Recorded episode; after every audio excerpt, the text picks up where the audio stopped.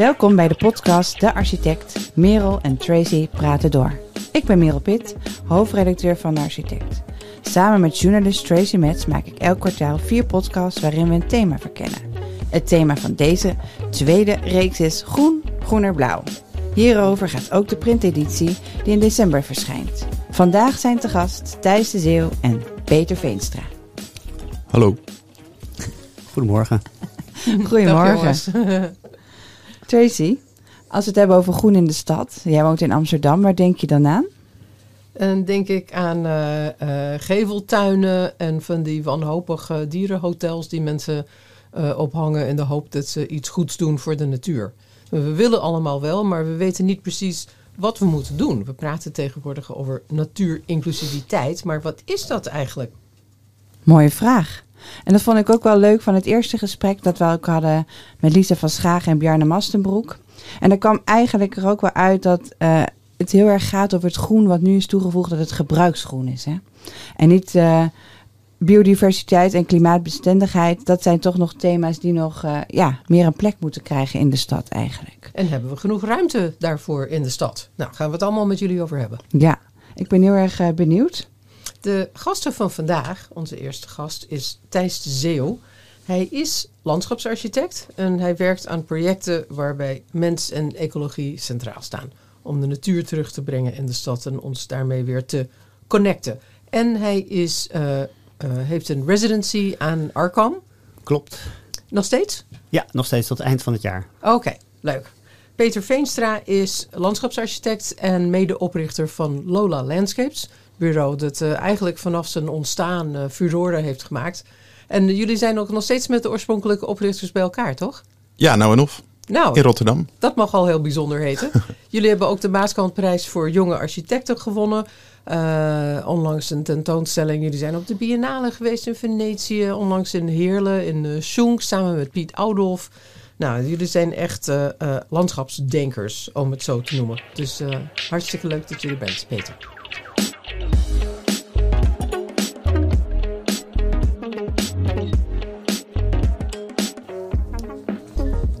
Thijs, jij hebt een uh, uh, heel leuk Instagram-account met de naam Natuuroptimist. Ja, inderdaad. Ben je optimistisch? Jazeker. En um, ik denk ook dat um, als we het over natuur hebben, dan is het vaak, gaat het vaak over allerlei problemen. Terwijl um, ik vind dat dat optimistische geluid rond natuur en de opportunistische resilience kracht van de natuur, dat die eigenlijk een beetje te weinig in, in het licht is. Natuur uh, wordt als te zielig uh, ja, afgedaan. wij moeten altijd de natuur helpen. uh, of zoals in de intro ook al was, of de natuur moet diensten verlenen. Maar die natuur heeft natuurlijk een eigen, eigen willetje. Een eigen agenda. Een eigen agenda, um, eigen overwegingen, motivaties. En, en het is heel leuk om, om mensen daar wat uh, inzicht in te geven. Als we het hebben over groen in de stad, zeg jij, ik beschouw de stad als een natuurgebied. Ja. Dat vond ik al een heel leuk, verrassend inzicht. En de architect is de natuurontwikkelaar. Ja, ja dat was eigenlijk mijn, mijn motto bij Arkham. Want daar kom je natuurlijk toch een beetje in een wereld van, van bouwers, van uh, uh, uh, mensen die gebouwen maken. En, en die natuur is daar nog niet, zo, uh, nog niet zo vanzelfsprekend in. Maar als je de, natuur als, als de stad als natuurgebied ziet, uh, en ik ben echt niet de enige die dat zo ziet hoor. Um, dan, um, ja, dan is eigenlijk iedere ingreep die je doet in de stad is een ingreep in dat natuurgebied. En iedere ingreep die je doet als architect, die heeft gevolgen voor verschillende plantensoorten en diersoorten. Dus als je daar meer over weet, als je daarmee kan spelen, dan wordt het volgens mij alleen maar leuker.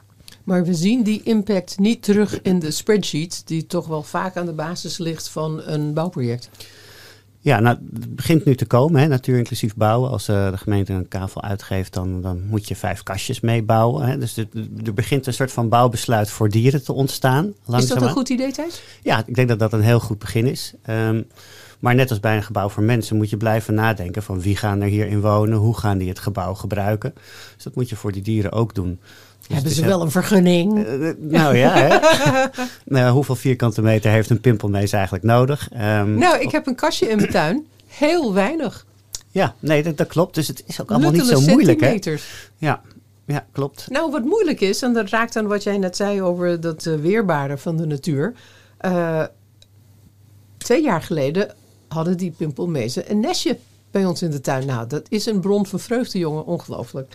Ehm, en daarna hebben we het nestje uit elkaar gehaald om dat bedje te zien dat ze hebben gemaakt. Zo mooi. Ja. Een prachtig sponsje, heel zacht. Je wilt er zelf in gaan liggen. Ja. Maar het jaar daarna kwamen ze niet meer terug. Ze wilden niet meer bij ons. Eh, dus de- inderdaad heeft de natuur een eigen willetje. Maar hoe moet je weten wat je moet doen om de natuur te faciliteren? Nou, je moet vooral niet altijd denken dat je het precies weet. Ehm, ik dat ontwerp bleek bijvoorbeeld, inderdaad. eh, ja, Ja. ik ontwerp ook voor artis, voor dan een heel specifieke dier. En dan, en dan kom je erachter dat je inderdaad ehm, weliswaar allerlei aanleidingen kunt ontwerpen, maar dat je nooit precies weet hoe zo'n dier eh, het gaat gebruiken. Dus, dus mijn advies aan, aan al die architecten in de stad is ook: hè, doe een hoop dingen die in principe goed zijn. Eh, en, en laat en dan het kan de natuur kiezen. kiezen. Ja, kijk, wij, wij Ja. willen ook graag iets te kiezen hebben op de woningmarkt. Ehm, en zo geldt dat voor dieren Nou, dat ook. hebben wij tegenwoordig ook nee, niet hoor. Dat, dat klopt. het, is, eh, het is krap allemaal op het moment. Maar ehm, eh, nee, dus, dus, dus je kunt veel beter met, eigenlijk met aanleidingen ontwerpen dan, dan op een manier ontwerpen van dat je denkt van dit is, dit is de beste plek. Want dan Ik ben daarom verbaasd over. dat je denkt dat een soort bouwbesluit voor natuur inclusief bouwen een goed idee is. Want daarmee leg je het toch helemaal vast. Krijg je allemaal af te vinken doeltypen en een hele boekhouding van. eh, en, dan, en dan komen de pimpelmezen nog niet. Nee, maar het, het, het, het is natuurlijk iets wat, wat, wat, je, wat je doet in een, in een omstandigheid waar huizen hermetisch gebouwd worden eigenlijk. Hè?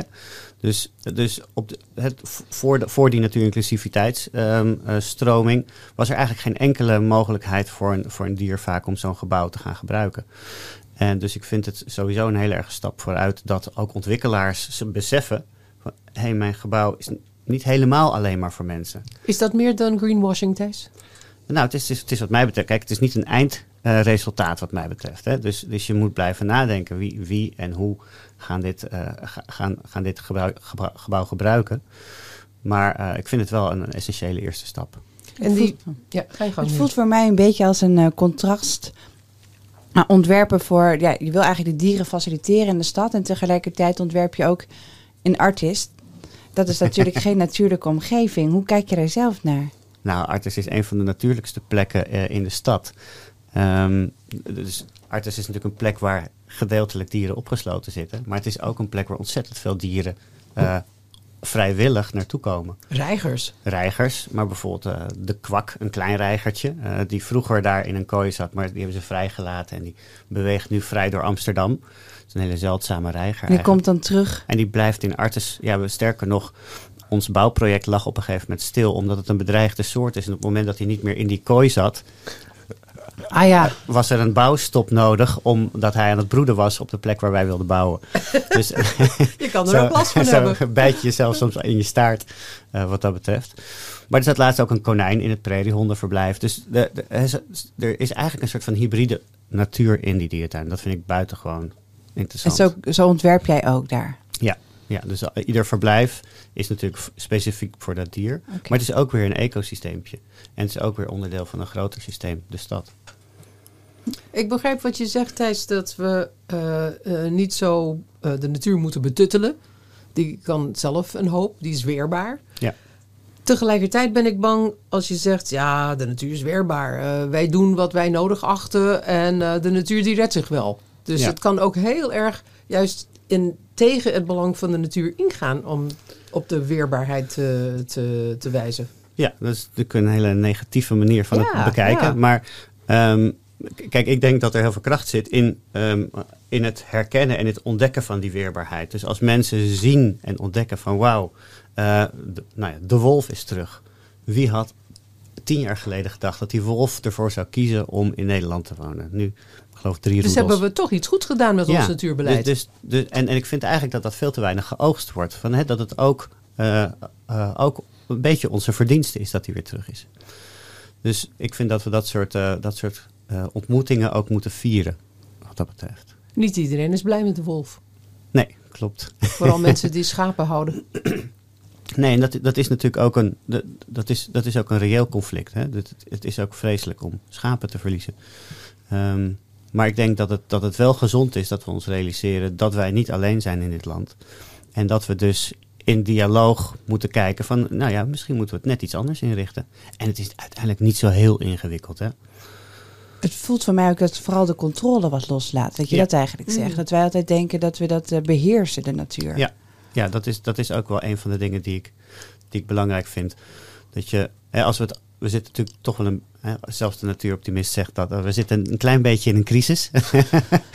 en ehm, ehm, die crisis heeft, eh, heeft niet alleen maar eh, eh, regels nodig en beperkingen, maar die crisis heeft ook een, een beeld nodig, een visie nodig van hoe het dan wel zou kunnen. En, en, en in die mogelijke toekomsten, eh, eh, ehm, daar zit heel veel, heel veel kracht. En daar, ik denk dat dat ook onze taak is als landschaparchitecten om te laten zien van wat kan dat dan zijn? Die nieuwe natuur of dat nieuwe samenleven met, met natuur in Nederland. En de wolf is een soort icoon van de natuur die allerlei ongemakkelijke vragen stelt. Ja, ja, het is ook niet per se altijd alleen maar leuk. Nee, nee. Soms is het rottig. Ja, En, en, net het ehm, leven zelf. Ja, en, en dat is het leuke aan de stad. Hè. We, hebben, we hebben natuur buiten de stad en we, hebben nu, we, we ontdekken nu, hey, we hebben natuur in de stad. Die natuur buiten de stad, die zijn we al, al, al 100 jaar aan het pamperen eh, en op doelsoorten aan het bijsturen. Terwijl die natuur in de stad, die heeft eigenlijk tot, tot heel recent eh, gewoon zijn eigen, eh, eigen boontjes gedopt. En ehm, eh, die is eigenlijk, zou je kunnen zeggen, wilder dan, dan de Veluwe. Ehm, dus daar zit ook heel veel ehm, eh, optimisme in, wat mij betreft. En wat vind je dan van al? Er worden nou behoorlijk wat projecten gestart natuurlijk. Iedereen probeert wat met van geveltuintjes tot eh, duinlandschappen op eh, Ja. daken. En hoe kijk je daarna? Ben je daar wel streng in? Van wat, wat, waar zijn ze nu mee bezig? Of denk je van nou, Nou, allereerst, eh, gewoon iedere poging juich ik toe. Mhm. Want het, het, is, het gaat ook om het pogen. Het gaat ook om hè, dat je fysiek probeert zelf iets te doen, bij te dragen, onderdeel te worden van dat ecosysteem. Dus, dus alle pogingen juich ik toe. ik ben soms wat eh, sceptisch over hoe het verkocht wordt. Ehm, marketing. ja, dus eh, eh, greenwashing is natuurlijk een, een, een, een veelgebruikte term. Eh, dus er wordt nu ook wel een, hè, omdat het, die stadsnatuur wordt nu hip. Eh, en ehm, Allemaal planten thuis en Ja. Instagram-accounts over onze planten. ja, onder andere. En, ehm, dus, maar ook, maar ook hè, de, de, de, de, projectontwikkelaars. Dus je ziet nu wel eh, heel veel knijtergroene renders. Daarvan moet ik nog zien eh, hoe groen dat straks is. Dus ik vind Ja, het het, heel groen is natuurlijk ook, het is levend. Je moet het dus ook Ja. verzorgen in een bepaalde mate. Ja. Nee, dat, dat, dat, dat- ik sprak dat uit een paar weken geleden voor het eerst. En toen realiseerde ik me, ja, het, eigenlijk is het als landschaparchitect heb je een, een super verantwoordelijk beroep. Want je, jij bepaalt wie er ergens gaat leven of niet. Jij bepaalt de plant, jij bepaalt het dier. Ehm, dus je, je beslist heel erg over leven en dood eigenlijk. Voel je je aangesproken, Peter Veenstra? Ja, dat is wel eh, dramatisch gebracht. dit. Ja, goed. Ja, heel goed. No pressure. Ja. Ja, Nina Ravenstein is een columnist voor de architecten. Zij schreef laatst ook een eh, column over dat we ook de voortplanting van dieren moeten faciliteren. Oh, Ja. En dat we dat ook heel anders in elkaar zit dan je misschien denkt. ja, ik heb bijvoorbeeld dat een, gaat wel ver. Ja, Nou, ik heb een gavialenverblijf ontworpen voor Artus. En daar was de opgave, dat is een grote krokodil. Daar was de opgave, zorg dat ze zich gaan voortplanten. hoe bereid je je dan voor als ontwerper? Ja, nou ja, dat, dat was, ook, dat was mijn met de eerste, krokodil. mijn eerste project eigenlijk bij Artis. En ehm, je kan dus inderdaad niet praten met de krokodil. Het is een koudbloedig dier. Eh, er waren er nog maar duizend van, bijna geen waarneming in het wild. Dus ehm, en uiteindelijk ben ik toch ook een beetje bij mezelf te raden gaan van hè, we, nou ja, seizoenen. Voortplanting en seizoenen, daar zit altijd een soort van link toch wel. Ehm, maar het is een tropisch dier. Dus toen eh, hebben we bedacht van er zijn misschien geen warme en koude seizoenen, maar wel droge en natte. Dus toen hebben we een grote moessonmachine gemaakt. Oh, Die de helft van het jaar een hele mooie dikke tropische druppel in het verblijf eh, regent. En toen bleek dat ze eigenlijk helemaal niet van regen houden. Dus, dus die, de moesselmachine ging aan en, eh, en de krokodil zwom meteen naar het enige droge stukje in het verblijf. Dat is wat je bedoelde met het gaat om de poging. Ja, ja en, en, nou, en als je dat misschien nog een beetje doortrekt, ehm, dan is die poging is wel, eh, die betekent iets in het leven van die krokodil. Dus waar het normaal gewoon altijd 30 graden was, met een luchtvochtigheid van 80%, daar is het nu altijd dezelfde temperatuur, maar moet hij op een gegeven moment kiezen van... hé, hey, wil ik vandaag droog liggen? Wil ik nu, of wil ik...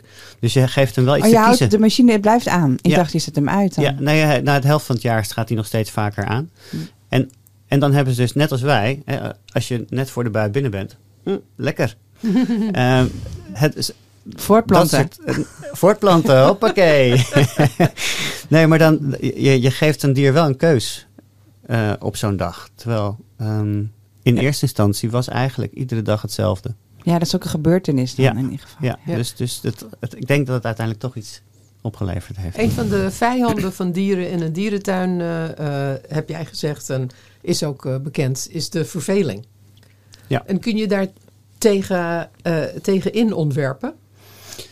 Ehm, ja, zeker. Eh, dat kan zeker. Ehm,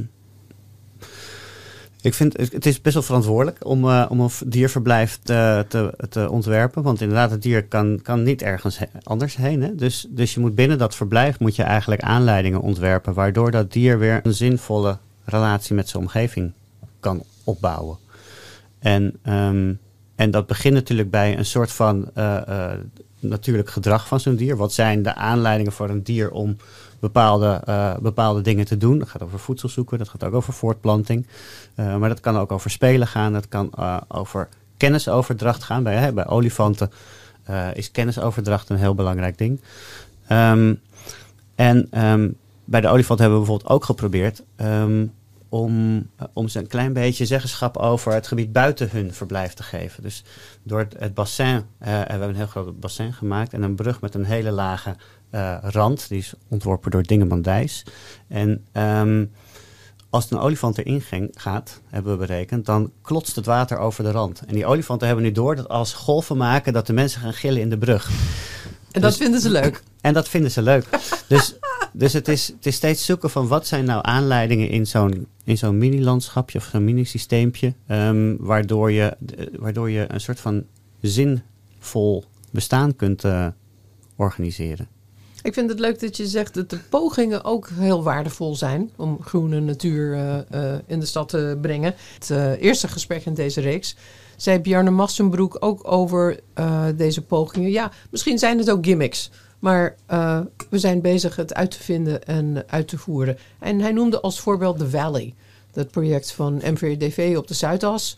Waar een hele groene laag eh, overheen is. Je kan helemaal, als het goed is, nog steeds over de gevel lopen door het groen. Wat vind jij daarvan? Is dat, is dat echt Greenwashing? een nieuwe manier van het groen in de stad? Of is het eh, eh, een dun laagje? Ja, dat is een goede vraag. Ehm, ik, ik, We zijn ik er geen van allen nog geweest, hè? want het is nog niet af. Nee, nee, het is nog niet af. Eh, ik, ik zie hem natuurlijk langzaam verrijzen, de, de vallei. Ehm, ik heb het gevoel dat het. Dat het ik, ik moet het nog een beetje zien met het, met het vergroenen van die gebouwen, zeker op zo'n schaal. Ehm, het zijn natuurlijk allemaal hele kleine eilandjes, weliswaar verbonden door, ehm, eh, wellicht door, door beplanting. Ehm, maar ik, inderdaad, ik, ik, ik juich iedere poging toe. Maar daar zit wel, daar, wordt, daar, zit, daar is het verkoopverhaal wel heel erg opgehangen aan, aan dat vergroenen. En eh, of dat nou ecologisch echt heel waardevol gaat worden, dat moet ik nog zien. Hm. Het is natuurlijk ook wat meer als tuin bedoeld. Ah, Hè, dus het, het heeft een beeld en het moet dat beeld ook blijven. Dus er zit een soort van vastheid in wat dat moet zijn. Ehm, dus ik, ik moet nog even zien hoe ecologisch interessant ik dat vind. Maar eh, zoals gezegd, iedere poging juich ik toe. Ja, groen maken is ook gewoon wel duur, hè? Dus eh, misschien moet je het ook gewoon goed verkopen. Wil je de exploitatie eh, rondkrijgen. Eh, hoe, wat zeg je nu precies? Nou ja, groen is duur, want je moet het beheren. Eh, de constructie moet eh, veel zwaarder zijn. Wil je al die grond en al dat water in, eh, in die grond als het regent eh, kunnen. Ja, het, het- het is maar hoe je ernaar kijkt natuurlijk, want we hebben grond. Ehm, daar bouw je op. Dan heb je die grond niet meer. En dat je die grond bovenop het gebouw teruggeeft, lijkt me niet meer dan vanzelfsprekend eigenlijk. Dus het is ook een beetje waar je vandaan komt. Ehm, wat waarde is. Ja. ja, en nou ja, Peter, jij zei het net al dat in, in China dat ze veel vanzelfsprekender vinden dat wonen rond een park eh, eh, meer kost. Dus, dus dat soort dingen, we liggen gewoon ontzettend achter eigenlijk wat dat betreft. We hebben de waarde er nog niet echt goed van eh, ingezien. Nee, klopt. Thijs, dankjewel. Mooi. Graag gedaan. Nou Peter, dat is een mooie start voor ons gesprek. Ja, Ehm Thijs werkt aan eh Artis en als ZZP'er aan verschillende projecten. Maar jij hebt een eh, groot bureau en werkt eh, internationaal, overal parken. Waar werk je op dit moment aan? ja, heel veel dingen tegelijkertijd, inderdaad. Ehm, even kijken, we zijn in Antwerpen bezig met de slachthuiswijk. Om daar de openbare ruimte van te ontwerpen bijvoorbeeld. Eh, in Limburg doen we nog steeds een aantal projecten eh, rond eh, IBA Parkstad. Eh, dat loopt op zijn einde, maar daar zitten we nog in de uitvoeringsfase. Eh, we zijn in Amsterdam bezig met het eh, ombouwen van de Bijlmerbaaiers tot het Baaierskwartier. De Ja. meest duurzame wijk van Nederland, als we de Nou marketing mogen geloven. Heel groen, heel groen. De renders waren dat ook. ja, precies. Ehm, om ze maar wat op te noemen. En Ja. inderdaad ook in het verdere buitenland. eh, we doen tegenwoordig ook veel in China. Ja, grote parken. En zie je jezelf dan inderdaad als die natuurontwikkelaar, zoals eh, Thijs dat net zei? Ja. Nou, natuur is een van de invalshoeken, denk ik, die, die belangrijk is. Ik, ik denk dat het heel belangrijk is om door bepaalde lenzen naar het landschap te kijken. Omdat je dan ook kritisch kan gaan kijken. En dat vond ik mooi aan Thijs' verhalen. Van op, pas op het moment dat je een soort meetlat hebt, eh, kun, je, kun je dingen eraan afmeten. En ehm, de, het ontbreekt nog wel eens aan kritisch vermogen als het gaat om groen. Dus groen is al snel goed. En uh, nou ja, en dan krijg Is je... dat zo? Dus, de- ik bedoel, de Marble Hill in Londen eh, was groen, maar was niet zo goed. Iedereen En begint te daar, eh, ja, er was toch wel behoorlijk kritiek op, toch?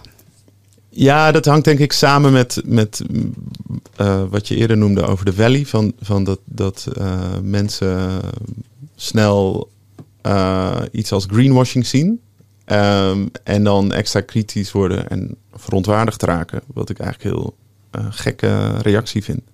Ehm, Want, nou, dat is alsof, alsof elk project op zichzelf een soort oplossing voor de wereld moet zijn. En ik denk, ik denk dat dat eh, eh, heel raar is. Ik bedoel, zo beleef ik de stad niet. Ehm, ik denk niemand eh, eigenlijk. Dus er zijn, als je, als je ook door Amsterdam loopt, zijn heel veel mislukte projecten waar je langs loopt, die niet meteen verontwaardiging oproepen. En, maar als het gaat om greenwashing, dan, dan is er wel een soort zuivere leer die je moet volgen, lijkt het. ja, het is misschien ook omdat het zo'n hype is of zo. Ontstaat er een tegenbeweging? Ja. Ja, maar ik denk, richt je dan op de, op de dingen die je, die je kan doen. Er is ruimte genoeg. Ja. En eh, om nou, nou dan andere plannen af te fakkelen. Ik weet niet of dat, of dat heel veel oplevert. Nee, want groen in de stad, zeg jij, is vooral ook eh, heel erg belangrijk om de stad toegankelijk te houden. Ja, en ik, dus ik ben het heel erg mee eens. Die poging is heel belangrijk. Ja. En ehm, ook greenwashing projecten leveren wat op. Hè. Dus misschien niet qua biodiversiteit. Maar eh, nou, het zal wel water vasthouden in de stad. Wat ook belangrijk is. Het zal voor verkoeling zorgen. En bewustzijn misschien? Bewustzijn, precies. Dus, dus er zijn denk ik, ehm, ook al doet iemand het dan met de, de of heeft misschien, is de ont- ontwikkelaar niet helemaal oprecht. Ik zou het niet weten, ik, ik heb me daar niet in verdiept. Maar eh, Maar de belevingswaarde is natuurlijk Ja. ook eh, groot. effect is denk ik nog steeds goed. Precies. En dat is dan, eh want ja, we hadden het ook even over dat het ook vooral voor ouderen of zo, hè, om al die mensen en gezinnen in de stad te houden. Anders dan, daarvoor is groen gewoon heel belangrijk. In de stad, ja, dat denk ik wel. Dus, dus ik, ik, ja, groen heeft natuurlijk heel veel verschillende effecten op gezondheid, geluk. Eh, mensen krijgen er minder stress van. Daarnaast heb je natuurlijk die klimaataspecten van eh, voorkomen van overlast van hitte en overstroming. En eh, het neemt ook CO2 op. Dus het heeft gewoon heel veel verschillende eh, kwaliteiten. Ja, en hoe krijgen we nou meer groen in voor elkaar op een goede manier? Ja, dat is een goede vraag. Volgens mij gaat het ook niet alleen maar over eh, meer groen, maar ook over eh, beter groen en eh, beter beheerd groen. Hè. Dus het, het is niet alleen maar de kwantiteit. Ik, ik heb wel zo'n lijstje gezien waar dan Lelystad als groenste stad van Nederland naar voren komt. Dus het is niet Allemaal zo. gras. Ja, precies. Dus, dus het wordt er niet altijd aantrekkelijker van. Ehm, eh, maar het gaat inderdaad om, om de kwaliteit ook van het groen, de, de, de waarde die het. eh, ja, dus moeten er meer kaders zijn, zodat we begrijpen wat, wat beter groen is. Of, Ik denk dat er ook. ehm, kijk, het is altijd ook een geldkwestie. Dus dit is denk ik ook ik noem het altijd, om, en dat, is, dat klinkt niet zo visionair. Maar uiteindelijk, zeg maar, zo'n afweging van, van een, een groen dak uh, en, de, en de natuurwaarde ervan hangt heel erg samen ook met gewoon het grondpakket, het gewicht daarvan. En, en ja, dat is gewoon een financieel plaatje. En zo'n, dat zie je vaak in die uh, groene ontwikkelprojecten uiteindelijk misgaan. Is dat dan op het laatste moment het uh, grondpakket teruggaat naar 25 centimeter. Sedum. En dan groeit er niks meer. Ja, precies. Ja. Uh, en dat geldt ook voor gewoon uh, nieuwe, nieuwe uh, projecten. De stad moet ook echt investeren in, in, in groen. En dat is een politieke keuze. In Leiden hebben ze daarvoor gekozen uiteindelijk. En daar hebben jullie aan gewerkt, aan het Singelpark. Klopt. Zes kilometer groen. Zes en een half. Zes, Zes een beetje de, de buitenbocht is zes en een half. Ja. Tof. wat, is daar, wat hebben jullie daar gedaan? Uh, wij hebben daar een masterplan gemaakt. Dus uh, dat is ooit begonnen met een bewonersinitiatief. De stad was bezig zijn binnenstad uh, te, ja, op, te, op te waarderen. nieuwe straten erin, dat soort dingen. En het soort laatste project was om ook de oude stadsrand, de oude verdedigingswerken die intussen ja, bezet waren geraakt met allerlei fabrieksterreinen, grote gebouwen. Ehm, begraafplaatsen, molens en, enzovoort. Ook versnipperd was geraakt om die allemaal weer ehm, te verbinden met elkaar en te vergroenen. Toen, toen is de stad of zijn de bewoners uh, die, die, die hoorden daarvan, die hadden zoiets van: dit is helemaal niet ambitieus genoeg. Dit moet uh, echt het singlepark worden. En um, ja, die hebben een hele succesvolle campagne gevoerd. Ja, dus uiteindelijk dat betekent dat ze de gemeente hebben overtuigd om daar uh, ambitieuzer plan neer te leggen. Ja, en het was een hele interessante dynamiek. Dus, dus dat waren dus hele activistische burgers. Uh, de aanvoerder uh, waren Jeroen Maters en Fons Verheijen. En die, die hebben... Ja, Architect van Naturalis. Precies. Leuk om erbij te vermelden. Ja. En die, ja, die hebben um, die stad inderdaad overtuigd dat ze daarin moesten investeren. Dat er een prijsvraag georganiseerd moest worden. En dat, ja, dat, dat ook de, de uitgangspunten een stuk ambitieuzer konden. En toen hebben jullie zes kilometer park ontworpen, of niet? Um, nou ja, ontwerpen. ontwerpen. We hebben een masterplan gemaakt, maar dat was een redelijk open masterplan. Want wat zeg maar uit die um, samenwerking wat eruit kwam, is dat het ook echt een soort co-creatie zou moeten worden tussen uh, burgers en stad. Uh, je zou kunnen zeggen dat het masterplan uiteindelijk een soort manual is geworden van hoe uh, wie ook maar wil uh, kan bijdragen aan het, aan het maken van het singlepark. Een toolkit. Ja, ja. Precies. Ik zat in de jury toen. weet je dat, nog? Ja, ja. ja. En ja. ik had het idee dat het plan was vooral hoe knopen we al die afzonderlijke stukjes weer aan elkaar. Zodat het één doorlopend gebied wordt en dat het echt uh, al zijn die stukjes heel verschillend, dat het samen een park is. Ja, klopt. Dus, dus de, je kan niet alles overlaten aan uh, de burger. Uh, en, en dus op, op groter schaalniveau ging het inderdaad om, om waar je die samenhang in kan vinden. Hoe je het zo organiseert dat het ook echt als één park gaat, gaat functioneren. Om vervolgens dan de vrijheid te laten om, om daarbij hebben allerlei tuinen aangewezen. Plekken waar tuinen zouden kunnen ontstaan.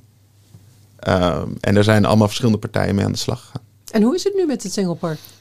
Nou, heel goed. Um, ja, het is, het is uh, de, uh, soort sleutelmoment was dat de bruggen zijn aangelegd. Dus zes bruggen. Waardoor het eindelijk fysiek mogelijk is om dat rondje te lopen. En, en dat leverde meteen een uh, ongelofelijke stroom uh, bezoekers op. Ja, in coronatijd ging iedereen In coronatijd, precies. En uh, ja, dat is echt geweldig. Dat, en mensen in Leiden zijn er ook heel enthousiast over. En ook heel trots op omdat het dus niet ook een project is wat gewoon is uitgerold door de overheid, maar waar ook iedereen echt het gevoel van heeft dat ze daar zelf uh, aan bijdragen. Dus die betrokkenheid lijkt me ook heel erg belangrijk voor uh, de toekomst van het uh, single park, voor het beheer. En... Ja, en op meerdere. Het is heel duurzaam. Um, en één wat ik wel interessant vond, is dat het zo populair wordt, werd onder de bevolking. Dat ook uh, politieke partijen dachten daarmee te kunnen scoren in hun verkiezingsprogramma's. Dus vaak ben je afhankelijk van zo'n termijn van vier jaar.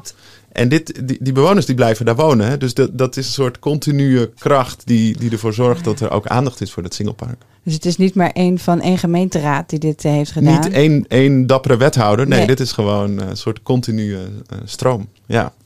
Wat ik ook nog een interessant onderwerp vind om eh, met je te bespreken, is dat landschapsarchitecten en stedenbouwkundigen maken veel visies, veel perspectieven, eh, tekens uit. En vaak zijn die zo mooi en, en zijn we er blij mee. Bijvoorbeeld als het gaat om de energietransitie, misschien ook wel over klimaatadaptatie. Eh, maar hoe komen we daar dan? Dus dan komt het in de la te liggen. Eh, dus hoe komen we daar, denk jij? Want jij maakt heel veel van die visies. Van die groene renders. Voor, voor, de, voor de la, ja. Ja, precies. voor de la. Ladevol, ja, nee, dat klopt. Eh, nee, dat is ook wel een frustratie van ons. We hebben, toen we ooit de Maaskantprijs wonnen, eh, zijn we al onze projecten gaan bekijken die we tot dat moment eh, hadden gemaakt. Ja, kwamen tot de conclusie dat echt 90% gewoon niet eens invloed heeft gehad op de werkelijkheid. Oh. Dus dat is echt, ik bedoel, Ja, Vraag me zelfs af of dat nog in een la ligt ergens. Ehm, en eh, dat was wel een soort schokkende eh, eh, analyse. Ehm, dus we, we zijn er altijd wel mee bezig van hoe kan je je eigen effectiviteit vergroten. En, en dat is dus ook een soort. we zijn wel heel geduldig, maar op een gegeven moment dan, dan is dat ook een Heb op. je, doe je, onderneem je stappen dat je zegt van nou, ik, ik maak ook die kleine stappen naar die. Ik, ik maak ze wel. Ja, nou ja, dat op verschillende manieren. Het is eigenlijk de reden waarom we ook in China uit zijn gekomen. Omdat we hier de, met name de wat grotere projecten zo langzaam vonden gaan. Dat we zoiets hadden, we willen, willen naar een soort plek waar dingen ook wat sneller worden uitgevoerd. Dat je ook, eh, ook een soort feedback loop krijgt van wat je zegt. Want ik denk dat dat een van de problemen is, die visies. Ook zelfs al worden ze uitgevoerd, dan worden ze over 15 jaar uitgevoerd. En dan leer je helemaal niet van je fouten. Dat is dan, want dan is die kennis alweer irrelevant. En ehm, als die feedback loop dus veel sneller is, dan, dan kan je veel meer kennis ontwikkelen. Wat Ehm, leer je uit China dan? ehm, nou, dat, is, dat gaat meer. Dat, dat gaat voor ons vooral over, over eh, meer technische kanten van het vak. Hè? Dus materialen, routing, eh, dat ik, soort dingen. ik dacht dat je zou zeggen daadkrachten in de uitvoering. Als ze daar beslissen, dan gebeurt het gewoon. En wij gaan nog eens twintig jaar polderen.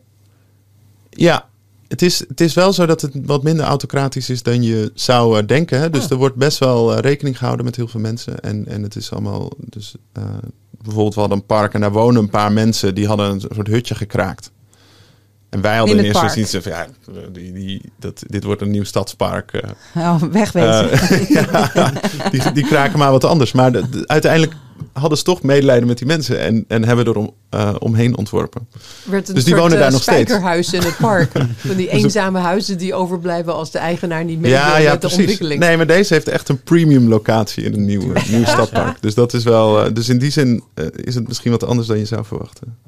Ehm, maar verder, ja, wij proberen nu wel ook. we hebben ook eh, ehm, eh, recent een workshop gedaan. Die was wel heel leuk. een goede illustratie misschien. Eh, we zijn er best wel lang bezig met eh, plannen maken voor bossen. Bossen als eh, klimaatoplossing.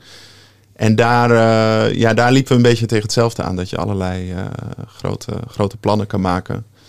Maar In dat dat- Madrid hadden jullie eentje gemaakt, toch? ja, we, we hebben eerst met een bureau uit Amsterdam... die overal compensatiebossen aanlegt, eh, zijn we gaan samenwerken. En Wat een mooi Nederlands woord. Compensatie. Compensatiebos. Ja, ja, dat is een hele eigen typologie. Er zit ja. een heel samenleving in samengevat. Precies. Ehm, eh, en, en later een prijsvraag in Madrid gedaan eh, en gewonnen voor een, voor een 75 kilometer lang eh, bos rond Madrid. Een soort singlepark eh, XL. Nou, Ehm, Wauw. Maar daar uit- uiteindelijk door een vormfout van onze lokale counterpart eh, toch uitgeknikkerd. Dat was wel ba- eh, balen. en dus toen heb hebben- je maar je eigen bos in eh, Rotterdam gemaakt. Ja, precies. Dus we hebben Waar is dat dan? Of waar moet het komen? Eh, nee, we hebben dat in, in een week tijd. We, we, we dachten van ra- laten we het gewoon echt eh, radicaal eh, over een andere koers eh, gooien. En hebben we eh, in, eh, in één week tijd een, bos, eh, zeg maar, de, de planten verzameld, een plan gemaakt en eh, het plan uitgevoerd. In het Hefpark, toch? Bij eh, Ja. de Hefbrug in de buurt. Ja, precies. Rotterdam Zuid, eh, net aan de andere kant. Eh, En was dit een soort guerrilla gardening? Of, eh, Ja, eh, we, we hebben ook wel een beetje geluk gehad. Maar we hadden meteen zoiets van, we gaan ook geen eh, toestemming vragen hiervoor. Eh, we gaan het gewoon doen. En we hebben een, een methode van Franke van der Laan overgenomen. Ehm, en dat is het idee dat je eigenlijk overal in de stad zaailingen kan oogsten. Dus, de, dus gebruik maakt van de reproductiviteit die de stad heeft. De baby's Ehm, van de bomen. De baby's van de bomen onder de moederboom, die daar eigenlijk weinig kans hebben om uit te groeien tot een eh, grote boom. Die kan je gewoon uit de grond halen en ergens anders neerzetten. Dus dat hebben we gedaan. En het was een fantastisch eh, met, met tien, tien architecten en, en eh, andere professionals. Heel Rotterdam door geweest. 42 verschillende soorten bomen en struiken verzameld. En uiteindelijk op 300 vierkante meter aangeplant. Dus er staat nu een bosje in het hefpark. Dus je nou eh, een soort van combinatie van activisme versus eh, vergezichten ben je mee bezig. Kan je Ja, zeggen. en wat ik. Uiteindelijk kostte dat plan 200 euro. Dus dat vond ik ook wel gewoon geweldig. En het van- is dus nog steeds. ja, ja, ja. en niemand En, vertrapt de boompjes. en nou ja, dat, dat is elke dag weer eh, hopen dat dat nog steeds niet het geval is natuurlijk. Maar ehm, ja, en, en het leuke is dat het ook een soort commitment oplevert. Want toen we klaar waren, toen keken ze natuurlijk naar ons van... hé, hey, eh, wie gaat dit onderhouden? Ja, dat wou ik net vragen, ja. Ja, dat, nou, dat gaan wij doen. Dat, dus... eh, je eh, dus jij staat elk weekend schoffelen. Eh, ja, wie weet, precies. Ehm, maar de, dus het, het kan heel licht en eh, simpel. En is dit nou een van de punten die je hebt opgenomen in, het, in jullie manifest? Spons Land, 10 pras- principes voor klimaatadaptief ontwerp. Doe het gewoon? Of, eh, Die hebben we niet opgenomen. Dat is- zou punt 11 moeten zijn. Nee, maar ik denk Ja. wel dat. dat ehm, ehm, kijk, dit, dit was wel een. eh, dat hefpark was een soort vrijruimte in de stad. Waar, eh, eh, waar de gemeente ook toelaat dat, dat er gewoon eh, dingen worden gedaan door eh, burgers. Ik denk wel dat het heel goed zou zijn om meer van dat soort vrije ruimtes te hebben. Dus waar, na de eh, compensatiebossen hebben we nu ook de gedoogbossen. Ja, ja, dat zou eh, een hele mooie nieuwe categorie zijn. leuk. Eh, kun je nog heel even kort wat vertellen? Want je hebt mij het eh, manifest opgestuurd, maar het is nog niet uitgebracht. Nee, eh, zaterdag. Oh, zaterdag. Ja, ja. Nee, trouwens, we hebben het manifest hebben we wel, eh, hebben we wel overhandigd als, als los ding. Maar het, er komt een boek waarin het is opgenomen, Sponsland. En Sponsland, dat is Nederland. Ja, dat we denk hebben ik een ontwerpmanifestatie in eh, Groningen eh, georganiseerd. Daar heb ik samen met eh, Ietje Verdes, was ik daar de curator van. En ehm, hebben we eigenlijk voor de hele regio een plan gemaakt samen met acht architectenbureaus voor klimaatadaptatie. En dat hebben we Sponsland genoemd. En de plannen, je vertelde mij, mensen dachten, oh, moeten we dit gewoon doen? Het was, het was dus niet zo'n enorm vergezicht. Ja, dat was het interessante. Is dat, dat als we het hebben over transitie, dan, dan eh, gaan we heel snel eh, ingewikkelde schema's eh, tekenen als architecten. En, en, en een soort bijna mystificeren van de, van de opgave. En ehm, uiteindelijk levert dat allemaal hele complexe beelden op. Ehm, Maakt het beroep heel belangrijk natuurlijk. ja, Ja, ja, ja. En, en, ik, en sommige mensen vinden dat, en misschien is het ook wel belangrijk dat je, dat je andere aspecten laat zien van, van die klimaatopgave. Eh, maar uiteindelijk moet je het ook doen. En ik denk dat we nu op een punt staan dat, dat, we, dat we intussen die vergezichten wel kennen en ehm, eh, dat de inzichten er wel zijn. Maar dat vooral de opgave is van hoe ga je nu ook die transitie eh, vormgeven en, en uitvoeren. En hoe kan je dat ook snel doen? En dat gaat stap voor stap. En dus we hebben die bureaus gevraagd om, om eh, naast dat vergezicht ook een eerste stap te laten zien. Ja, en dat ziet er dan vaak verrassend eh, herkenbaar uit. Hè? Dus dat. eh, dus zo moeilijk is het niet, meer groen. Nee, ik denk het niet. En, en ik denk ook dat het dus voor een deel uiteindelijk, door welke lens je ook kijkt, het beeld wat ontstaan, ontstaat is, is best wel gezellig. ja, ja, een soort, soort eh, ja, sponsige eh, omgeving met, eh, waar meer mensen wandelen en fietsen en eh, waar je minder auto's ziet en eh, meer vogels. En, eh, wat Heel was er fijn. nou? Ja, precies. Nou ja, nu is daar in Groningen ook veel ruimte voor natuurlijk. Nou, valt mee hoor. In de binnenstad. Het, het punt is dat eh, als je kijkt in de stad zelf, dat er altijd zoveel claims op de stad liggen dat het nog niet zo makkelijk is. En we, daar kwamen we erachter hoe dominant eh, verkeersontwerp is. Ja. En dat is. eh, en daarom denk ik dat. We hadden het even over die, die, dat bouwbesluit. Dat het wel echt goed is om toch een soort harde uitgangspunten te formuleren. om het ook op te kunnen nemen, Om fysieke Eh, ruimte. te claimen, Te overwinnen in de stad. Ja, precies. Want, want, ja, dus dat eh, je een nieuwe woonwijk plant of, of een inbreiding, dat er niet een weg altijd alleen maar is, maar ook groen. Ja, en uiteindelijk zie je gewoon dat overal eh, op de prioriteitenlijst eh, verkeer op nummer 1 staat. Dat is al het eerste wat wordt geregeld en dan heb je ruimte die overblijft. En dat zou wel eens eh, andersom Ja. mogen. Is er, is, er er zijn honderden miljoenen besteed aan het ontsnipperen van Nederland. Het verbinden van natuurgebieden. Ehm, dus laten we gewoon niet te veel versnipperen. Het scheelt een hoop geld. Dank jullie wel. Mooi gesprek.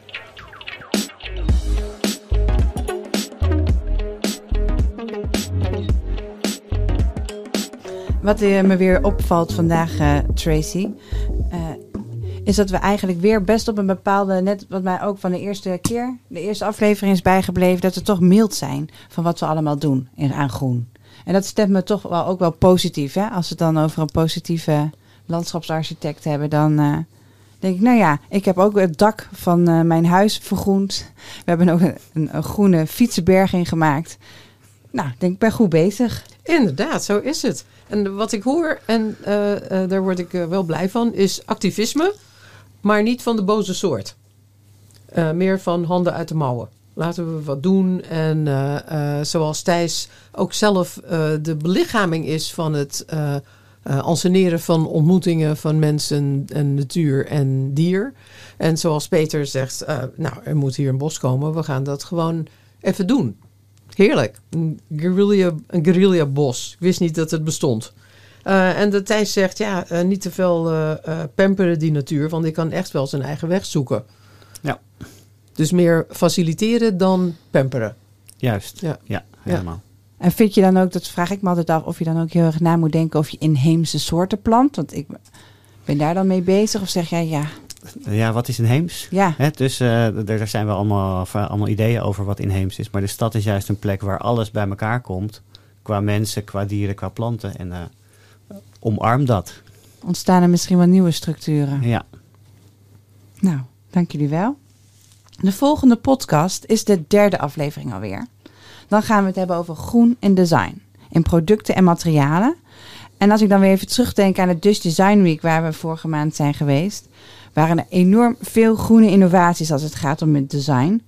En ik ben dan benieuwd, hoe kan het dan toch dat we zo weinig hiervan terugzien in interieurs?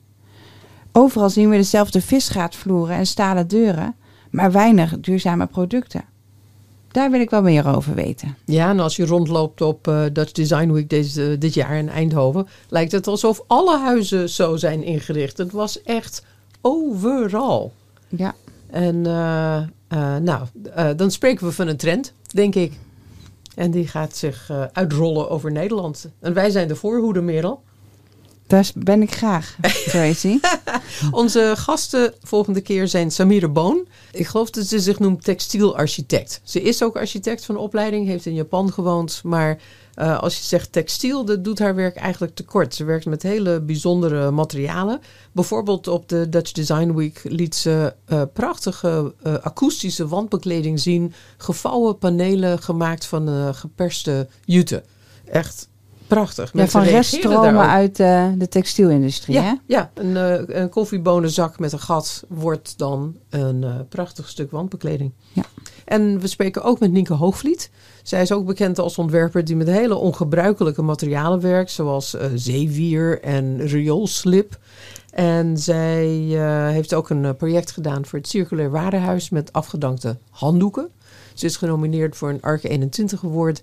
En Circulair Warenhuis heeft ook een van de Dutch Design Awards in Eindhoven gekregen dit jaar.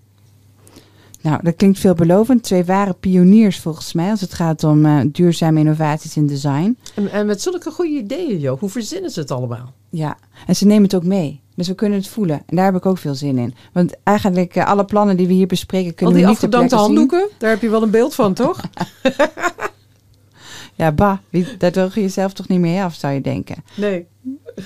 Nou, ik eh, hoop dat onze luisteraars ook zin hebben in onze volgende aflevering. Hou de social media en de nieuwsbrief van de architect in de gaten voor de volgende. Dank jullie wel. Dankjewel.